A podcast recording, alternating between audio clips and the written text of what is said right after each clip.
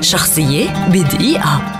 خورخي ماريو بيدرو بارغاس يوسا هو روائي وصحفي بيروفي حاصل على الجنسية الإسبانية. ولد عام 1936 في البيرو وهو أحد أبرز وجوه الأدب اللاتيني المعاصر وأحد أهم الروائيين الذين يكتبون بالإسبانية والذين ما يزالون على قيد الحياة. برز في عالم الأدب بعد نشره روايته الأولى المدينة والكلاب التي نال عنها جوائز عديدة منها جائزة ببليوتيكا بريفي وجائزة النقد. وقد ترجمت إلى أكثر من عشرين لغة أجنبية تتالت فيما بعد أعماله الروائية التي حققت انتشارا واسعا ونسبة مبيعات مرتفعة في العالم وتعددت كذلك الجوائز التي حصل عليها وقد كان من أشهرها حصوله على جائزة ثيرفانس للآداب عام 1994 والتي تعد أهم جائزة للآداب الناطقة بالإسبانية. تعد ثنائيته الروائية دفاتر دون ريغوبرتو ومديح الخالة أشهر مؤلفاته على الإطلاق وأكثرها جرأة وانتشارا وإثارة للجدل في الأوساط الشعبية